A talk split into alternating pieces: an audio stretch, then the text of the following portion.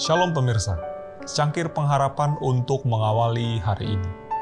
Di malam hari, lagunya menyertai aku. Tuhan memerintahkan kasih setianya pada siang hari, dan pada malam hari aku menyanyikan nyanyian suatu doa kepada Allah kehidupanku. Mazmur 42 ayat 8. Jika engkau sudah menyerahkan dirimu kepada Allah untuk melakukan pekerjaannya, engkau tidak perlu khawatir untuk hari esok. Dia yang membuatmu hambanya mengetahui dari awal hingga akhir peristiwa-peristiwa hari esok yang tersembunyi dari penglihatanmu terbuka kepada mata dia yang maha kuasa. Kesusahan itu buta dan tidak dapat melihat ke depan. Tetapi Yesus melihat akhir dari permulaan. Di dalam setiap kesukaran, ia telah menyediakan jalan yang membawa kelegaan.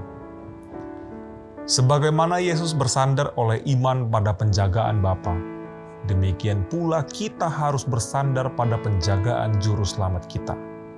Jikalau murid-murid itu berharap kepadanya, mereka pasti akan mendapat sentosa.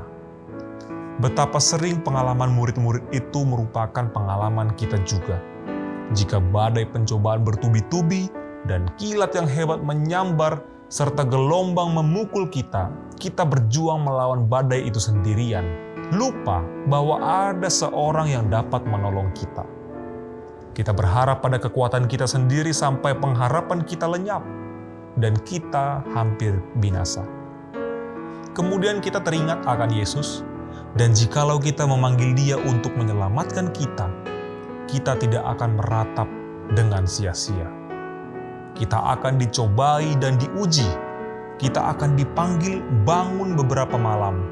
Marilah kita sungguh-sungguh berdoa kepada Allah agar Dia mengaruniakan pengertian dan membangkitkan pikiran untuk meneliti kesempatan-kesempatan kita. Jiwa yang berdiam dalam suasana pikiran yang kudus akan diubah oleh persekutuan dengan Allah melalui penyelidikan terhadap kitab suci. Demikianlah renungan kita hari ini. Selalu mulai harimu dengan secangkir pengharapan.